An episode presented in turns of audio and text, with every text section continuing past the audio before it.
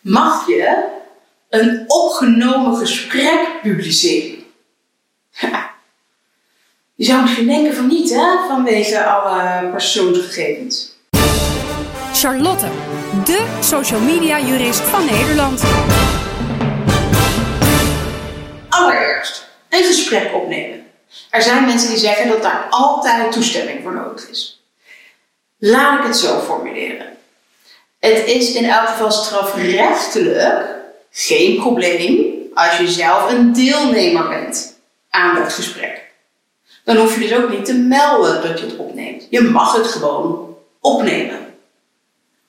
Als je dan eenmaal dat opgenomen gesprek hebt en je hebt het later eventueel nog nodig voor bijvoorbeeld een rechtszaak, dan wordt dat meestal ook wel toegelaten tot bewijs.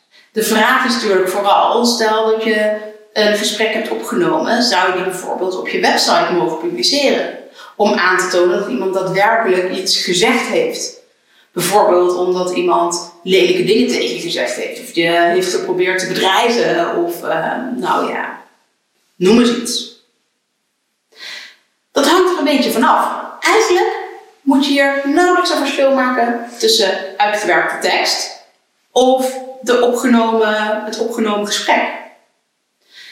En natuurlijk een, een stem en wat iemand zegt, dus de inhoud van dat gesprek, dat kunnen persoonsgegevens zijn. Want het kan dan herleidbaar zijn tot een persoon. Dus je hebt daar een goede grondslag en een goed doel voor nodig. Nou, dan kan het zijn dat de grondslag gewoon gerechtvaardigd belang is. In dit geval een vrijheid van meningsuiting. En dat je het waarschijnlijk dus ook met dat doel hebt opgenomen. Ja, dan voldoe je eigenlijk al wel aan de AVG. Dus daar hoef je niet zo heel erg bang voor te zijn. En dan mag je het dus gewoon publiceren. Ja, het is dan inderdaad wel minder erg als je de tekst gewoon zou uitwerken en er eh, het uit zou schrijven en niet het geluid zou gebruiken. Soms wil je nou eenmaal kunnen bewijzen dat iemand iets daadwerkelijk gezegd heeft. En als je iemand citeert, ja, dan wordt dat misschien wel een probleem. Dat mensen dan toch zeggen, dat heb ik niet zo gezegd, ondanks jij het letterlijk hebt uitgewerkt. Waar je natuurlijk wel mee uit moet kijken, is hoe je eventueel zo'n fragment knipt. Het moet blijven kloppen. Wat je daar verder omheen nog vertelt, mag niet opeens iemands eer en goede naam schaden. Je mag niet opeens het zo in elkaar draaien of uh, fragmenten in uh, omgekeerde chronologische volgorde plaatsen, bijvoorbeeld, dat het lijkt alsof iemand iets heel anders gezegd heeft. Het kan soms ook van belang zijn dat echt te horen is wat jij nog gezegd hebt. En dat je niet alleen maar er iets uitplukt wat die ander gezegd heeft.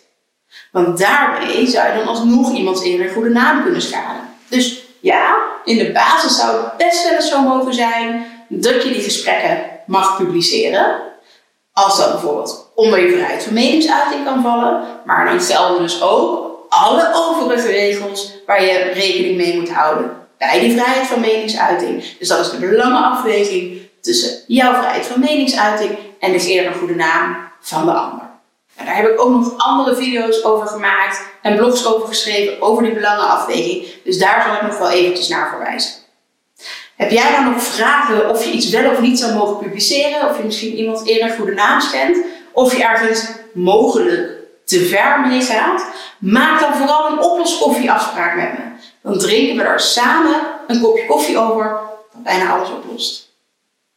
Laat dan vooral zien wat je zou publiceren en laat me dan natuurlijk ook zo'n fragment horen als het gaat om een opgenomen gesprek dat je zou willen publiceren.